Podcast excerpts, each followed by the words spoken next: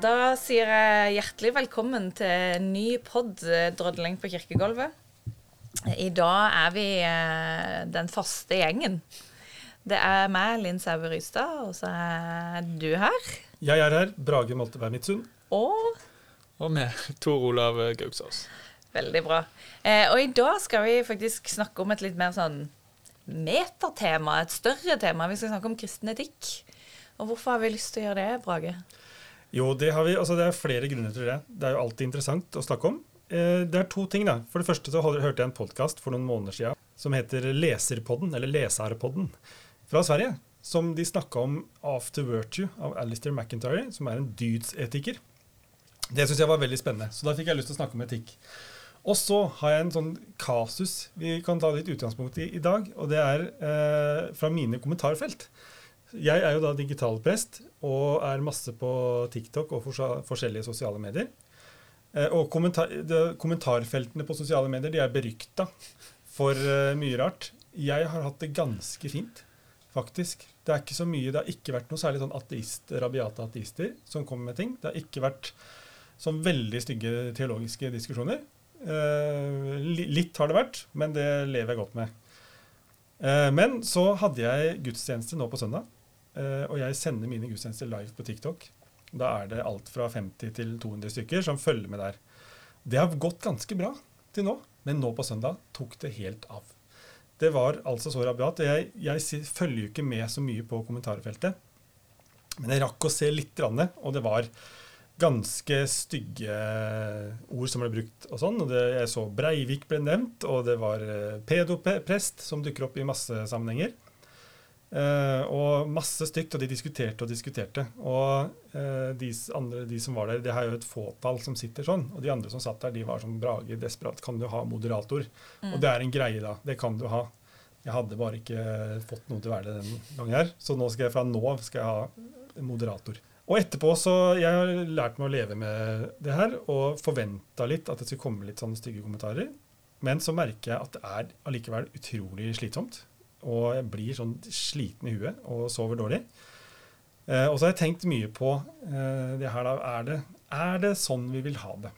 Skal vi virkelig ha det sånn at eh, vi skal snakke sånn om hverandre? Og hva er liksom målet med det, når det kommer sånne helt rabiate eh, påstander? Og jeg vet ikke hva slags mennesker som er bak det, fordi de er stort sett anonyme.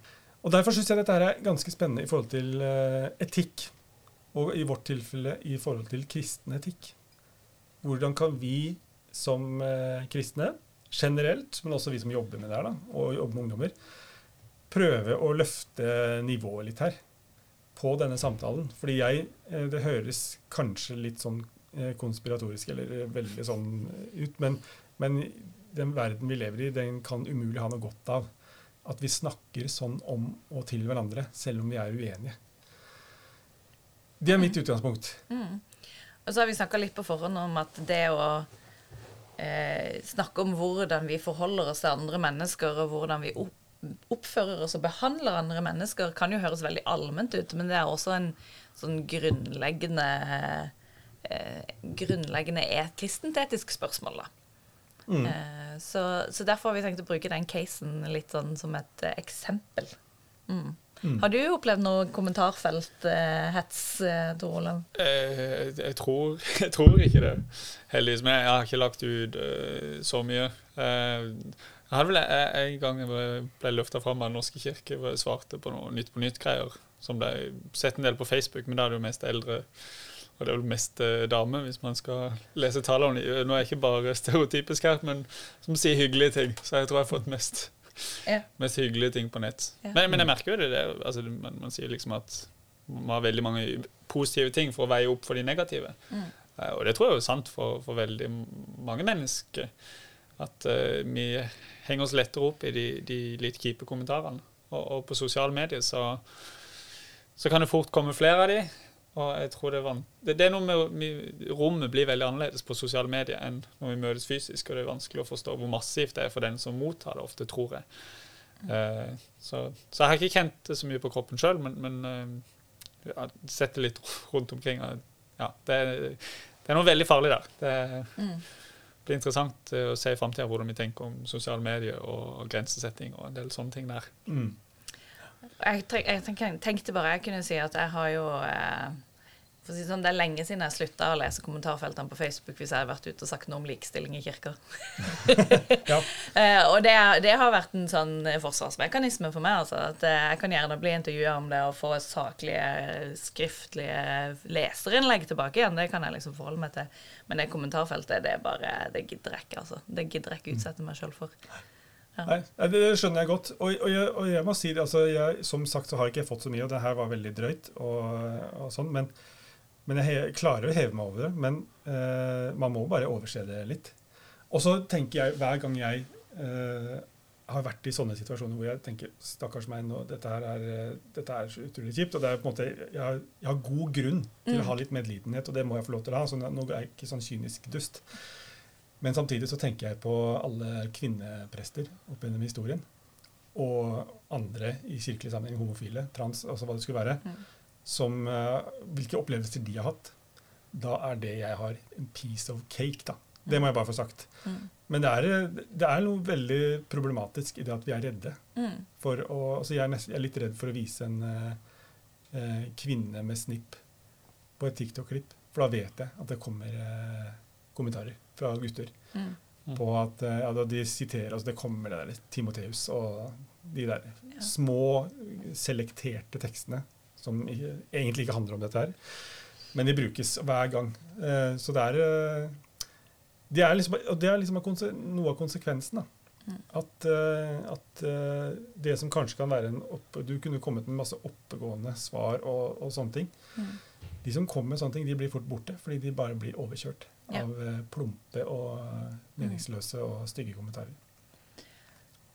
Da tenker jeg vi gjør et bitte lite hopp tilbake igjen, for du sa noe om eh, Alistair McIntyre, After Virtue, eh, dydsetikk. Eh, så kan du ikke si litt mer? Hva er, hva er, hva er dydsetikk? Eh, hvordan kan det hjelpe oss å navigere et eh, kommentarfelt? Ja, det, er interessant. Og jeg synes, altså Alistair McIntyre han kom med boka 'After Virtue' i 82. Og eh, After Virtue det viser til at man på en måte har gått bort fra dydsetikken. Og det er det mange som tenker nå også, at dydsetikken det var noe man holdt på med Aristoteles og Platon og Thomas Aquinas. Det skal sies. Vi har noen eh, litt seinere racere der. Men han ønsker å ta det fr- fram igjen, og hans utgangspunkt det er at det, samtalen, både den akademiske, men også eh, samtalen generelt mellom mennesker, og da kan vi like så godt kalle det samfunnet, Mm. den eh, er blitt så fragmentarisk. Og det tror jeg har blitt enda mer etter at sosiale medier kom. Eh, at man sitter på hver sin tue med sin mening om hva som er rett og galt, og så får de andre bare mene akkurat hva de vil. Men da kommer man ingen vei i samtalen, mener han. Det, samfunnet går feil vei når man er der. For det er noe, vi har ikke noe større mål. Så han, han ønsker å ta det store målet tilbake. Telos, da, som han kaller det. Eh, at det må være et større eksternt mål. Hvorfor, hvorfor eh, gjør vi de tingene vi gjør? Eh, og da er jo det store, altså det aller største målet er jo det gode. Mm. Vi, vi må prøve å nå det gode målet for å få til det. Og det var det Aristoteles også snakka om i forhold til alle ting. Alle, alle ting hadde, sin, eh, måte, hadde sitt mål, til og med en stein. En stein sitt mål det var å ligge på bakken. Han, var, han hadde litt å gå på sånn eh, vitenskapelig sett, men alle ting hadde sitt mål. da. Men for McIntyre så handler det liksom om samfunnet og det å være menneske. Det må da ha et større mål, og det er det gode. Det er å ha det godt, og det, er, og det handler både om individet, men også mennesket. da. Og samfunnet, sånn Og i samfunnet. størt. Ja. større, ja. Men det er vel kanskje egentlig kontroversielt i seg sjøl, å, å argumentere for at det må finnes ett gode, eller er det ikke det han gjør? Han argumenterer ikke for at det fins ett gode. Nei. For han er, han er enig med Nietzsche. da. Nietzsche sier at det fins ikke noe sånn vitenskapelig som kan si at det er godt. Han er, eh, men samtidig så sier han, ikke, så sier han at eh, vi konstruerer oss i våre tradisjoner, dyder, og det som er det gode. Mm. Eh, så, og da kan man si liksom, eh, Det kan være verdensdeler eller ulike historiske epoker, men også religioner. da. At man har innenfor sine religioner så har man eh, konstruert visse dyder, og hva det handler om å ha det, ha det, hva det gode livet er. da, Mm. Rett og slett. Og ordentlig komplisert blir det vel hvis man er innenfor disse stedene der man har konstruert fram noe, er veldig uenig om hva som er det gode. Mm. Eller? Ja. Ja. Det er klart, altså Jeg tror ikke han mener at det, det ikke fins altså Det er helt relativistisk. altså Sånn som Nietzsche antyder, i hvert fall, noen Ja. steder, at det, det fins ikke noe gode. Det handler bare om makt. liksom. Der er ikke han. Det finnes, Vi alle har en følelse av hva som er godt, og det gode liv. At det har en eller annen form for lykke eller eh, noe Mm. sånt. Og i hvert fall ikke å, å bli død. Ja. Eller bli diskriminert. Ja. eller eller eh, andre ting. da. Mm. Så det er et slags sånn gode med at måtte man tenke at det er et sånt, vi har et sånt ytre mål når vi snakker sammen, som vi ønsker å nå. Og det gjør at samtalen vår blir mer konstruktiv. Men det handler både om det, det eksterne målet, om at å, vi, det skal, verden skal bli god, eller fellesskap skal være godt, samfunnet skal være godt. Men også de interne dydene. Liksom at, eh, at Han snakker veldig mye om det, det gode i seg selv. Og Det er det som skiller det litt fra eh, pliktetikken og, og sånn. I at pliktetikken der er det du skal gjøre det fordi det er en regel. Mm. Liksom. Mens uh, en dyd, det er sånn, en sånn uh, egenskap du har. Uh, det å være barmhjertig, liksom. Mm. Og sånne ting. For Hvis vi skal ha en liten sånn uh, recap av etikk, eh, for, forskjellige tilnærminger Ja. til etikk, så har man jo den pliktetikken at man gjør noe fordi det er basert på et prinsipp og, og en Mm. plikt. Uh, Kant blir vel ofte Nå må du hjelpe meg her, ja. dere begge to, hvis det er langt ut. deg på dette.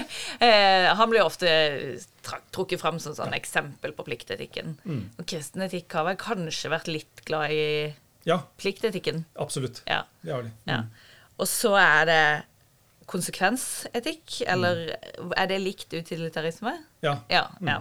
Ikke sant? Og det er, hvis jeg husker riktig fra Atle Søvik eh, hadde X-Fill for meg, så tegnet han en sånn mann med en stor pengesekk der det sto én million, og det var John Stuart Mill. Så dette her kommer jeg til å huske resten av livet. og det er han som knyttes til utilitarismen, ikke sant. ja, sammen med Ja. Hume. Ja. Hume. Mm. At, og da handler det om å gjøre det som er best for Flest mulig. flest mulig. Ja. Ja. Den samlede lykke. Og det er, det er, en, mål, det er en telos der òg, men det er veldig annerledes. Litt sånn kardemommelov heller. Altså, du skal ikke plage andre, du skal være grei og snill, og for øvrig kan du gjøre som du vil. Ja, på en måte. Og, og hvis, man kan, hvis du drar den der veldig kynisk, så er det sånn at du kan ofre noen. Ja. For at fellesskapet skal få det best mulig. Ja. Rett og slett. Men det er vel ikke gitt hvilke parametere du bruker for, for å måle fellesskapet? I, i, noen av disse retningene er det det. Du kan vel alltid definere det som at livet, det er det viktigste. Mm. Så, så, lenge, så lenge du på en måte liv går tapt, så vil det ikke være verdt det.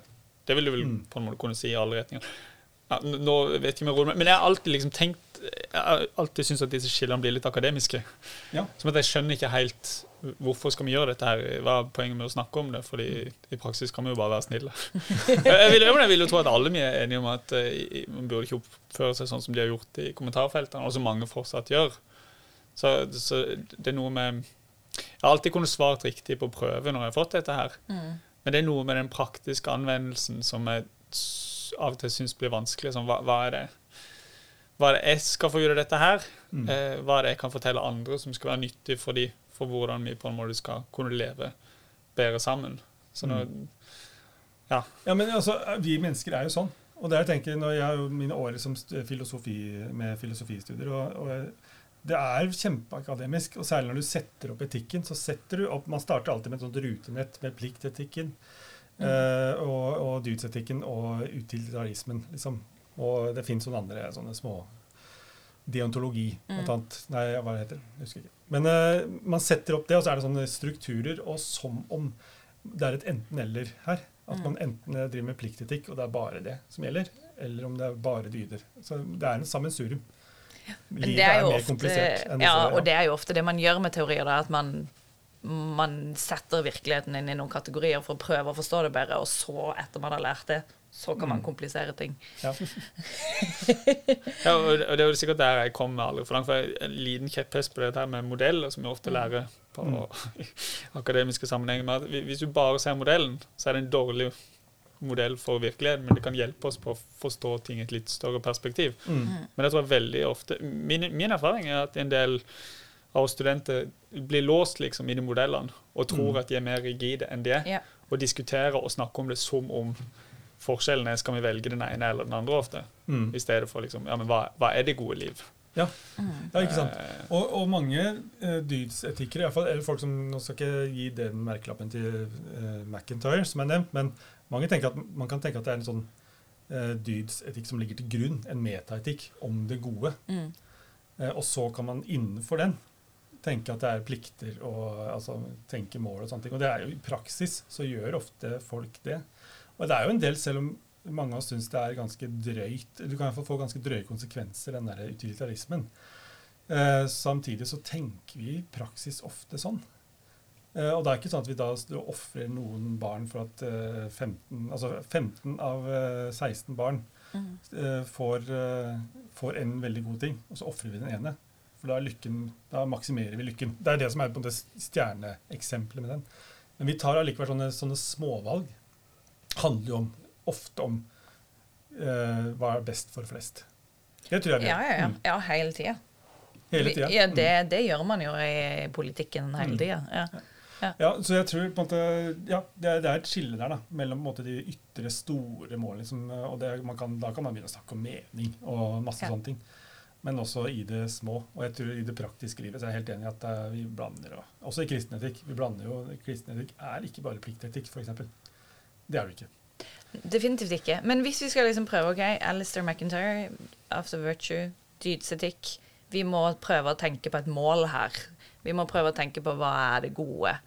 Hvis vi da tar det på denne samtalen du hadde eh, Hvordan kunne man ha formulert et dydsetisk godt mål for eh, en diskusjon på sosiale medier? Ja, godt spørsmål. Har du et godt svar? Nei, ja, nei, men altså, Eksempelet der er jo det på en måte altså, Man kan tenke at å ja, da sitter det eh, Det var 50-60 stykker akkurat der og da som satt og fulgte deg live. Var et ja, par-tre tusen innom, da, så jeg vet ikke hvor mange det var som var akkurat da. Men da var det kanskje to-tre stykker som var helt rabiate. Eh, som, la oss si at de har en sånn etikk om at eh, ja, men kristendom er så fælt. Og det kan jeg si akkurat hva jeg vil om. Ja. Eh, og det er noe, ja, prester er pedoer og ja, alt. Det kan jeg si. Mens, eh, mens resten sitter der og ja, skjønner ikke helt hva de skal gjøre og si. For det er på gudstjeneste. Eh, så der er jo på en måte det fragmentariske et problem. Fordi eh, man har et helt, helt ulike syn på hva som er meninga her. Eh, og da ville jeg kunne sagt at ja, men spurt de her, da, rabiate, ja, men hva er hva er målet ditt med å snakke sånn? Ja. Eh, er det bare for å være bedriten? Eller er- ønsker du å få til noe, liksom, med det? Eh, og jeg, jeg tviler på om jeg hadde fått noen gode svar sånn konkret i de tilfellene her, liksom. Men kunne vi som kristne eller voksne mennesker liksom jobba med å, å snakke opp eh, et slags sånt mål om at vi skal være gode? Mm. Hva er det vi vil med samfunnet vårt? Eh, og hvis vi får noen sånne gode tanker om hva som er hva vi vil Uansett, vi må jo ikke, Det handler jo ikke nødvendigvis om at vi vil at alle skal bli kristne. og sånne ting. Egentlig vil vi det, men det handler jo ikke om det. Det handler om at verden faktisk skal bli et bedre sted for alle. Mm. Et bedre samfunn. Eh, og hvordan kommer vi dit? Og kan da dydene være med på å få oss dit? Det er det som er liksom, det er der grunnleggende i dydsetikken. Mm. handler om det. Man har et mål om det gode, og det som får oss dit, er at vi oppfører oss ordentlig. det er vel mer akademiske sånn Ja, det er sånn man kan gjøre det. Ja. Men hvordan gjør vi det i praksis? Det er uh, en annen ting. Og det sliter jo veldig med. altså Det, det er jo et problem. Det er. Du er jo ikke den eneste som har opplevd et rabiat eh, kommentarfelt. Det er Nei. du jo dessverre ikke. Men, men tenker du er det, er det liksom Kan vi kommunisere kan vi, kan vi lære folk dette? Jeg, jeg, jeg tror det. Ja. Og, og, når, når jeg hører denne fortellinga om, om eh, TikTok, så tenker jeg at dette er ungdommer som eh, har lyst til å tøffe seg og prøve å pushe grenser, og har sikkert noen andre kompiser som Haha, se hva jeg skrev her. og ja, det, det, det er det som er viktig for dem, vil jeg Mm. tro. Det er noen de tøffer seg for. Det er Mm. noe sånt. Og sånn, jeg tror ikke det kommer til å gå av moten. Det å liksom ikke bry seg om autoriteter, det å vise hvor lite du bryr deg. Jeg tror det kommer til å være kult lenge. Men, men, men eh, jeg tror det er veldig vanskelig ofte for oss mennesker å skjønne hvor At vi forstår eh, verden fra oss sjøl. Vi ser oss sjøl innenfra og alle andre utenfra. Og der tenker jeg jo, dette er nestekjærlighetsbudet dobbelte, at liksom du skal elske andre som deg sjøl, handler om at du skal lære å kunne se deg sjøl utenfra og se andre innenfra. Men det tror jeg ikke For de fleste av oss tror jeg ikke det skjer automatisk. Det tror jeg liksom må, det, Der må vi inn. og Jeg liker ofte ikke å kalle refleksjon og sånne ting, for jeg syns det blir litt pretensiøst for fort. Men, men, men, der tror jeg vi må inn og gjøre det. Eh, og tenke over på en måte, ja, men Hvordan kan dette bli oppfatta for andre? Jeg hadde Vi hadde jo eh, fasteaksjon for ikke så lenge siden.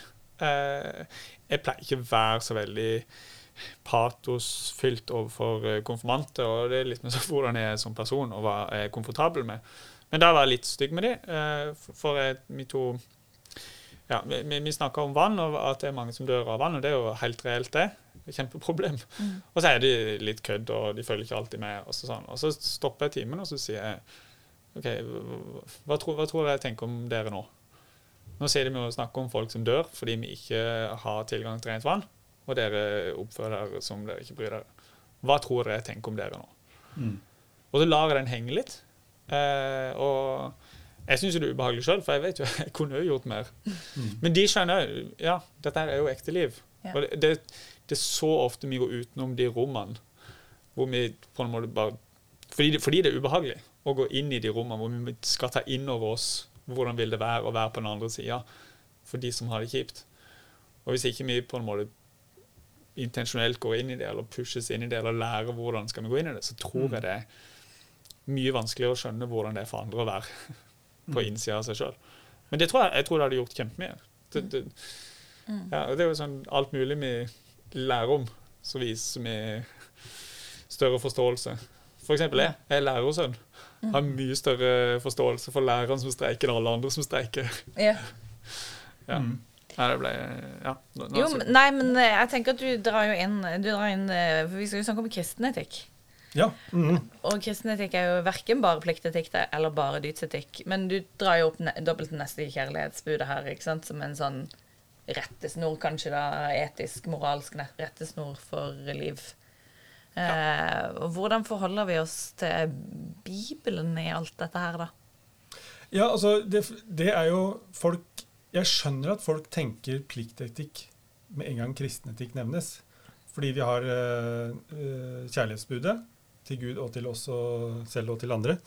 Og de ti bud i Det Gamle testamentet og masse bud. Men det er jo det er en god del dyder i Bibelen også. Altså Tro, håp og kjærlighet, det er dyder. Mm. Det er kristne dyder. Også, uh, og ting som barmhjertighet, gavmildhet sjenerøsitet. Altså det er mange sånne dyder som er kristne, altså, eller som vi kan kalle kristne dyder. Mm. Eh, så jeg tenker det er eh, godt innafor å tenke at eh, kristen etikk også er en form for dydsetikk. Mm. Så synes jeg ofte Når vi snakker kristen etikk, så ender vi ofte opp i liksom, å diskutere saker. da. Mm. Men det der eh, dobbelte nestekjærlighetsbudet, det er jo hvis man hadde levd etter det. Mm. mm. Da hadde jo samfunnet sett annerledes ut. Ja. ja men jeg, tenker, jeg bruker ofte det for, så, å bruke eksempler med liksom altså, la, la, oss si du går på gata, og det går en gammel dame som skal over på andre sida, og du ser hun sliter. Og så tar du en vurdering. Hva gjør jeg nå? Og så bare sånn uh, vurderer ut fra nestekjærlighetsbudet. Da velger jeg nestekjærligheten og går ja. Litt sånn banalt. Det, men det blir, det blir, fort litt sånn rammeverk-saks... Uh, jeg skjønte ikke helt. Nei, altså, jo, det er, det er jo nestekjærlighet å følge den dama ja. over gata. Ja. Derfor gjør jeg det. Ja, ok, ja, ja. Ja. Det er liksom en sånn eh, pliktetisk, logisk uh, ja. greie. Den pleier jeg, Dårlig forklart, men den, den pleier jeg å bruke som et mm. eksempel. Mm. til mine konfirmanter. Uh, men da er liksom, det jeg lurer på, er liksom om hvis man bare tenker pliktetisk, at det er noe vi gjør fordi Jesus har sagt det. Uh, hjelper det? Og spesielt til ungdommene der ute som er litt opprørske og, og sånne ting. Ja, og jeg tenker bare at jeg var jo eh, Jeg tror jeg har sagt det før, men jeg var veldig glad i å følge regler. jeg er det fremdeles ganske glad i å følge regler. Eh, og for meg tenker jeg at det ble en sånn Altså, jeg var så redd for å gjøre noe galt kristent. Mm. Altså, jeg måtte holde meg innenfor alle de Og jeg satte jo strengere regler for meg sjøl enn, enn kanskje jeg fikk forkynt også, ikke sant? Fordi at jeg mm. var så redd for å gjøre noe som Jesus ikke ville gjort. Mm. og da har jo pliktetikken slått liksom Slått litt feil, tenker jeg. Ja. Ja. Eh, og jeg kan, jeg kan definitivt av det nå, altså. Men i utgangspunktet så burde jo kanskje dette men, eh, dobbelte nestekjærlighetsbruddet ikke være plikt, men noe som kommer fordi jeg ønsker å gjøre godt. Mm. Ikke fordi at ja, men Jesus har sagt det, derfor må jeg gjøre det. Ja. Eller gir den forskjellen mening? Det er i hvert fall mer behagelig hvis du har lyst til å gjøre det gode, Ja. enn om du føler det blir pålagt det. Men det er jo litt ja, avhengig av hva du kjemper om. Mm. Hvis man har en forståelse av at uh, hvis jeg ikke gjør det rette, så kommer jeg ikke til himmelen. Ja. Mm. Hvis det er liksom på en måte ja, din forståelse av verden, så er det kjempeviktig å gjøre det rette. Mer enn om det føles rett. Mm. Så det er litt hva, hva som står på spill der. Men, men jeg jo, må jo si det at jeg er jo veldig enig med det. Men, men ofte sånn, i mange ulike kristne setninger så har man jo ulik forståelse av en del Mm. ting. Hvor viktig er det å ja, følge disse reglene. Ja. Men- Og, og hvor viktig er liksom grunnen til at man gjør det? Gjør man det bare fordi det er en plikt? Eller gjør man det fordi det er noe godt ved det å vise nestekjærlighet? Men der, nå, skal jeg, nå skal jeg brife litt uh, Ja. filosofi her. Ja, Eh, for dette har jeg faktisk skrevet om i avhandlinger. For da bruker man Jeg har brukt sånn praksisteori, og da er man jo opptatt av at i alle praksiser finnes det regler. Mm. Og da er det et spørsmål om følger du regelen hvis du gjør det bare fordi alle andre gjør det, eller fordi du egentlig ikke skjønner hva du gjør når du følger regelen. Og da argumenterer Wittgenstein, for, eh, for at eh, For å faktisk følge en regel, genuint følge en regel, så må du være innforstått med at det er det du gjør, og at du vet hvorfor du følger den regelen. Ja. Ellers så følger du ikke regelen, Nei, sier han. akkurat. Hvis jeg husker riktig. Ja, men det, det tror jeg høres riktig ut. Nå skal Ja. jeg påstå at jeg alltid husker alt de ulike filosofene har sagt, men Wittgenstein eh, ja, han er fin. Og jeg tror, jeg tror det, og det går jo på det at, eh, at det at, det at jeg gjør noe godt, det må være Du må ha en intensjon Ja. om at det er godt. Hvis ikke så har du ikke forstått det. Eller ja, da gjør du ikke det. Ja. Han kobler på en måte intensjon og handling. Da. Fordi det kan jo bli litt sånn, og det er ikke bare jenter, men det er litt sånn der eh, flink pike-syndrom som gutter òg kan ha flink pike-syndrom, tenker jeg. Eh, at man liksom jobber og jobber og jobber og jobber. Og det er jo veldig ulyttersk, egentlig. At man skal liksom kunne gjøre seg god. Ja. For det kan man jo ikke. Man er god fordi man er frelst, eller fordi Gud har gjort det, eller fordi Ikke sant? Nå, det ble litt feilformulert. Men, eh, eh, men man får liksom man, ikke sant? I, I dåpen så får man frelsen i gave, og da skjer det noe med det. Og ut fra det, fordi man er kristen, så, så skal man ønske å leve et godt liv. Sånn Ja. så har jeg forstått Luther, da. Ja. Ja. Mm. Eh, og at det liksom Hvis det vokser ut av det, så blir det ikke plikt og påføring og regler som liksom kommer ovenifra og ned, men da kommer det utenfra opp. Men det er jo veldig ideelt sagt, selvfølgelig. ja, ja. ja. Ja, for Jeg har aldri helt skjønt hvorfor man skal være så opptatt av intensjon. Ja. Eller så, øh, Jeg mener jo på en måte at jeg, jeg skal jo være god, selv om jeg ikke har lyst til det. Mm. Hvis, eh, hvis det er hun dama som eh, skal hjelpes over veien, og det, det er det som står på spill her, og jeg kjenner sånn Nei, jeg har ikke lyst, jeg har lyst til å gå på butikken. Så vil jeg mene jo fortsatt at det er riktig med å hjelpe henne over, selv om jeg ikke har lyst. Jeg mener ikke at det liksom, da er riktig å alltid følge sin indre motivasjon. Mm. Og det, men altså, jeg syns man skal prøve å lage systemer og snakke om det på en måte som gjør at man har lyst til å være god. Mm. Men, men jeg syns ikke man heller skal henge seg for mye opp i intensjonen. Sånn der, eh, at noen som skal diskutere eh, Ja, men det er ikke noe, du bør ikke gi noe i gave, for du gjør det ikke. Du gjør det bare for å vise det. Du gjør det ikke fordi du har lyst til å hjelpe andre. Og så blir det sånn Ja, ja, men det, det er jo penger som kommer til god nytte. Det, er fortsatt kjempe, det har jo fortsatt gode effekter, Mm. selv om det kanskje ikke var helt ren intensjon. Mm. Ikke, ja, jeg prøver ikke å ta intensjonen helt vekk, men, men Men du kan vel øve deg i å bli, ha intensjon? Kan du ikke gjøre ting mange nok ganger for å liksom Ja, og det er det man tenker med praksiser. da. Ja. Eh, og, og han McIntyre også snakker om praksiser på en litt annen måte enn Wittgenstein. Men, eh, men uh, han snakker om tradisjoner som praksiser. Ja. Både i ulike, ti, til, uh, ulike tider, men også i forhold til ulike kulturer. Men man har en praksis som man er i, og som man øver seg i. da. Og han ville jo, altså sånn dydsektisk sett, så la oss bruke ikke gammel dame på vei over gata, men du er ute i et kommentarfelt. og du har muligheten til å slenge dritt, Uh, hva gjør du? Eh, gjør jeg det bare For det har ikke noe å si, det jeg gjør? Gjør jeg det ikke fordi jeg skal elske min neste? Eller har jeg også en tanke om at jeg gjør det ikke fordi jeg ønsker å være et godt menneske? Eller jeg ønsker et samfunn som, eh, hvor alle opplever at de er like verdifulle. En ganske kristen eh, tanke. Det tenker jeg er litt sånn forskjellene, og, og jeg vet ikke om intensjon og dyd på en måte kan eh, At det betyr akkurat det samme det tilfellet her, liksom. Men jeg tror det er mye å hente på det å på en måte jobbe med altså, Ja, det er mange plikter, eller det er mange gode regler som peker mot en bedre, bedre verden. Men det er noe i oss òg. Eller i måten vi handler på, da. Nå går ikke jeg bort fra en luthersk greie, vi er eh, korrumperte på en eller annen måte.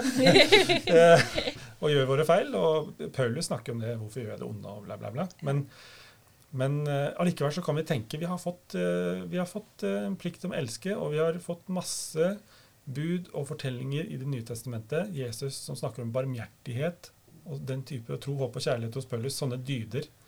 Vi må ha noe i oss Mm. hvis de skal kunne snakke om sånne ting.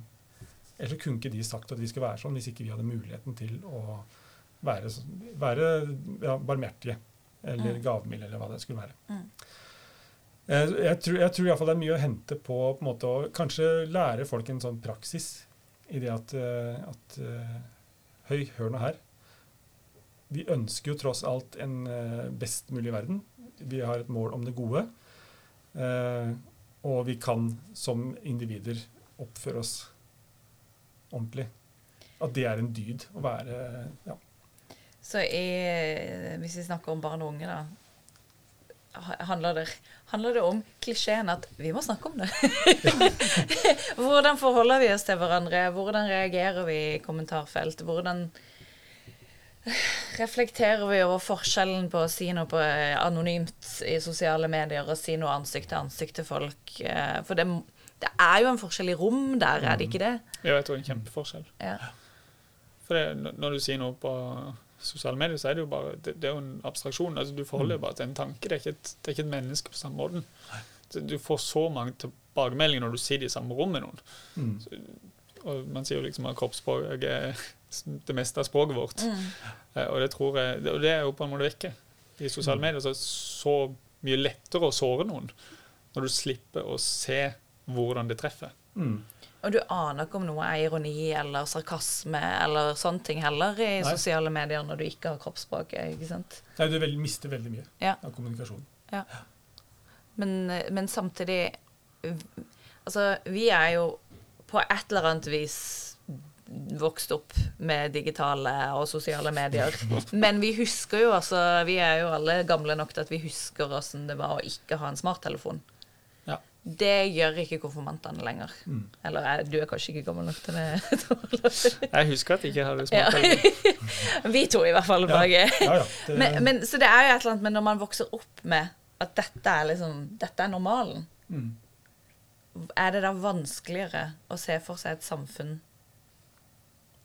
der man behandler hverandre med respekt når man snakker til hverandre?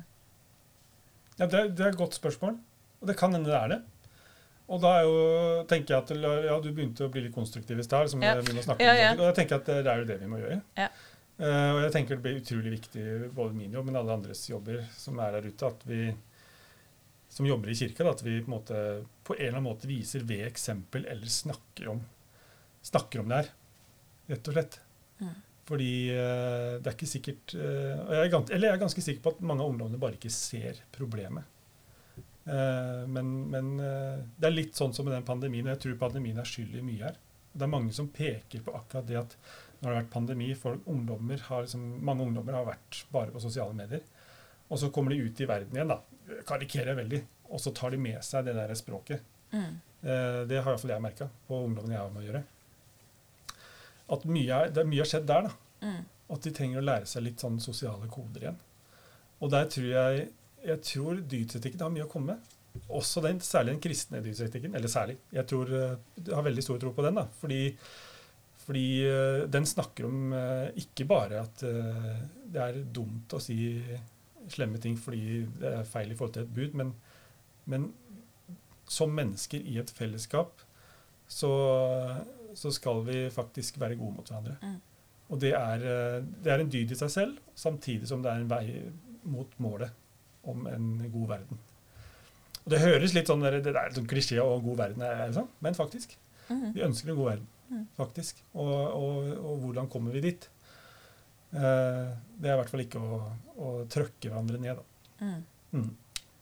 Hvis du skal liksom eh, koble igjen på dette med å kalle det kristen etikk, for du sier jo at det er ok, kanskje klisjé, men det er liksom ikke sant? Det er det vi vil. Da er vel det ut fra Kristen etikk må på et eller annet vis forholde seg til Bibelen. Mm. Vil vi være enige om det? Ja, det blir veldig vanskelig å si nei. Ja, det blir vanskelig ja. Det var veldig generelt utsagn, Mm. Men eh, ja, så må forholde seg til Bibelen på et eller annet vis. Mm. Og så må man på, også for et eller annet vis forholde seg til at Bibelen er Altså det som står der, er, har betydning for hvordan vi lever våre liv. Må vi ikke det? Mm. tenke. Hvis vi skal ja. kalle det liksom Ja.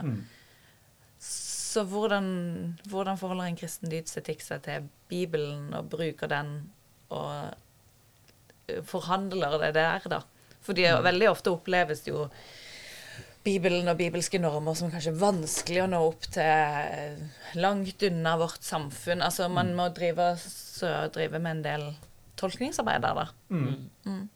Ja, det må man gjøre. Og jeg, eh, det må man gjøre. Man må på en måte, Og det er litt sånn store, litt spennende og skumle jobben til oss som formidler Bibelens budskap, Mm. er jo nettopp det å formidle noe som gjelder oss her i dag.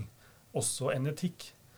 Eh, og, men jeg syns eh, en måte å gå inn i det, er, som jeg tenker mer og mer på, er å gå inn i fortellingene. Liksom. For det er, det er noen fortellinger i Bibelen som, eh, som eh, jeg opplever som veldig relevante i livet. Det er jo også Apropos klisjé, som mange syns er klisjé, er jo 'barmhjertig samaritan'. Liksom. Det er ikke så veldig vanskelig å formidle den inn i vårt samfunn. Mm. Men du må gjøre det. Du må si, du må si litt om eh, at det er Jesus som forteller, og poenget hans er å fortelle Poenget til Jesus er å for, fortelle oss noe om, om hva som er rett og galt. Eh, og hva, altså samaritanerne, hva greia greia er. Mm. Altså masse som skal forklares. Men det er en fortelling som vi kan leve oss inn i. Mm. Eh, det tenker jeg er én vei å gå. En kunne brukt den overfor kommentarfelt, kunne man ikke det? Ja, det kunne man eh, gjort. Koble det med barmhjertig samaritan på kommentarfelt. Mm. Ja. Bare fortell dem at nå var ikke du en barmhjertig samaritan. Og det er jo noe du har lyst til å, å være, så Mm. kanskje tenk litt mer før du poster neste kommentar. Måtte jeg ha gjort litt mer jobb det, tror jeg. Men, eh, men at man kunne brukt det som en eller annen slags grunnfortelling, da. Ja, Ja. jeg tenker, og særlig for de som ønsker å på en måte være innenfor den tradisjonen, altså ønsker å være kristne, holdt jeg på å si, da. Ja. Det, så er jo det å bruke fortellingen sånn, og si noe om ja, men det her er jo Jesus Ja. tydelig på. Men der var jeg jo kanskje inne på noe, at da forutsetter vi at de ønsker å være kristne.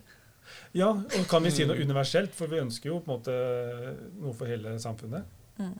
Eh, Det kan du si. Så det å argumentere Jeg tenker at eh, når Paulus sier tro, håp og kjærlighet, og størst av alt er kjærligheten, det er dydsetikk. Størst blant Eh. dem er kjærligheten. Mm?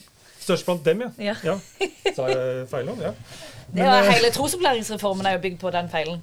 Størst av alt. Det er ikke det som står. Det står størst blant dem. ja. ja. Det er sånn. Det er viktig hva som står der. Ja, det er viktig hva som står der. Men det er jo sånn dydsetikk, og det er jo, men, men da må man jo Det, vi, det viktige vi, Når vi jobber med bibeltekster, så jobber vi, tolker vi ofte, eller vi forhandler, som man sier, Mm. moderne teologi, og, og tenker kontekst og sånne ting. Men vi, også, vi må også tenke vår kontekst inn i vår kontekst. Ja. Eh, hvordan tenker du eh, Du jobber jo mye med konfirmanter, eh, Tor Olav. Mm. Hvis du skulle ha hatt en konfirmantundervisning om Bibelen som grunnlag for kristen etikk, hvordan har du tilnærma deg den? Bare for å gjøre det enkelt for deg her. Eh, det, er jo, det er jo fryktelig vanskelig. Og det er jo, jeg tenker nesten alltid at jeg gjør ting for teoretisk Ja. når jeg har Mm. konfirmantundervisning. At jeg sitter og forbereder meg og tenker at dette er jo interessant. dette er interessant. Og det syns jeg fordi jeg har valgt selv å studere teologi. Jeg har valgt det fordi jeg syns dette er interessant. Og så merker jeg at veldig mye av det ikke, ikke treffer det. Mm. Så, så veldig mye av det blir for teoretisk, så, så det å kunne gjøre det ikke teoretisk, men at flest mulig skal få noe ut av det uten å måtte krangle på de der Ja, men det står i Bibelen. Ja, men det Mm. står i Bibelen. For det er jo ikke Det er ikke det det handler om. Jeg syns det er skikkelig vanskelig. Men jeg, jeg, jeg har så ofte gått tilbake igjen til dette her dobbelte kjærlighetsbudet. Mm. Fordelen med det er jo at da har du, dette er det viktigste Mm. som er gitt som en ramme på det. Uh, og så kan du si Han sier jo ikke det i alle evangeliene, men det vet jo ikke som regel konfirmantene. Nei, Men, men, og, og det passer veldig bra for meg å kunne si at i utgangspunktet er det kjærlighet og nestekjærlighet til Mm. Gud og nesten som, som skal være det grunnleggende. Og, det må jeg si, for meg så er jo det ofte et sentrum, og, og Mm. som på en måte hvordan jeg vekter andre tekster Mm. som jeg tenker er veldig relevant. Og så ville jeg sagt at dette er tekster som, som sier noe om hvordan det, det, det er menneskelig erfaring i møte med, med Gud ofte, og det er tekster som vil oss noe.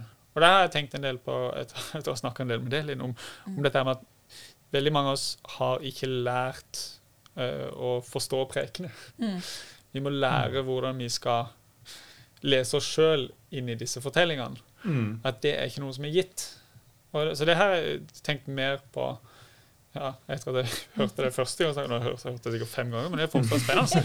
Eh, fordi det, det er, For meg er det gitt, men for Mm. mange andre så er det ikke gitt. Dette her med å øve seg på at ja, når jeg hører en fortelling om den barmhjertige samaritan, så er det ikke bare en fortelling som jeg skal lære for å kunne gjengi det, men det er en fortelling som vil meg noe. Mm. Jeg skal lese meg sjøl inne her. Hvem vil jeg være i denne fortellinga? Mm. Hva har denne fortellinga å si for mitt liv? Og det tror jeg man må gjøre veldig eksplisitt i Mm. møte med konfirmanter Mm. for at de skal lære det. Og en annen ting er jo det, så tror jeg hvordan vi oppfører oss, eh, blir plukka opp. Mm. Og dette med å For å forstå andre så tror jeg det er nyttig å ta utgangspunkt i egen sårbarhet. Mm. Ja. At man, at man eh, starter med at eh, Jeg syns det er kjipt når dere snakker sånn når jeg står her. Mm. Jeg, jeg blir påvirka. Ja. Og det er jo en sånn ting som på en måte Mm. hvor du går inn i et rom som man vanligvis ikke går, Ja. men, men som er Det er noe veldig viktig du kan lære der. Inni det. Mm. Så, så, så ja, og prøv å finne sånne ting som, som, som setter seg litt i kroppen. Og som jeg aldri klarer, men som jeg ønsker å bruke mer sånn visuelle ting, sånn som John Stuart Mill og pengesekken. Yeah. For en del sånn visuelle virkemidler, de, de, man husker det mye mer. Mm. Det blir for mye prat når jeg underviser, og for lite Mm. håndfaste ting som setter seg i minnet. da. Jeg har en, der er en historie som jeg, Det var veldig kult at du snakka om det her nå. Og, fordi jeg er også redd for å bli veldig teoretisk. Og når jeg snakker om, for jeg, Selvfølgelig er det nestekjærlighetsbudet sentrum for eh, kristen etikk. Men eh, er, der kan man både snakke plikt og dyd, tenker jeg. Men, men jeg blir veldig ofte for teoretisk. Men jeg var, eh, var med som leder på en kristen festival en gang. Som hadde en stil som var veldig annerledes enn jeg var vant til. Så jeg, jeg fant meg ikke helt til rette der i det hele tatt. i forhold til, Det var liksom mer karismatisk enn jeg var vant til, da, som hedmarking. og, så, og så kommer, eh, kommer eh, en dag langt ut i leiren som ikke jeg visste om. Som de bare kalte Jeg husker ikke hva det var, godhetsdag eller noe sånt. Mm. Hvor alle, eh, alle ungdommene, det var 1500 stykker, skulle ut og male gjerder, handle inn for folk. Altså, ut av oppdrag. Nestekjærlighet i praksis, rett og slett. Og jeg har også hørt, Det var helt fantastisk. Utrolig sterkt. Det var så rørende. Da ble det karismatisk for meg, da, for å si det sånn, eller for å bli litt sånn overfladisk. Eh, og jeg vet at det er mange som driver konfirmantarbeid, som har den type opplegg.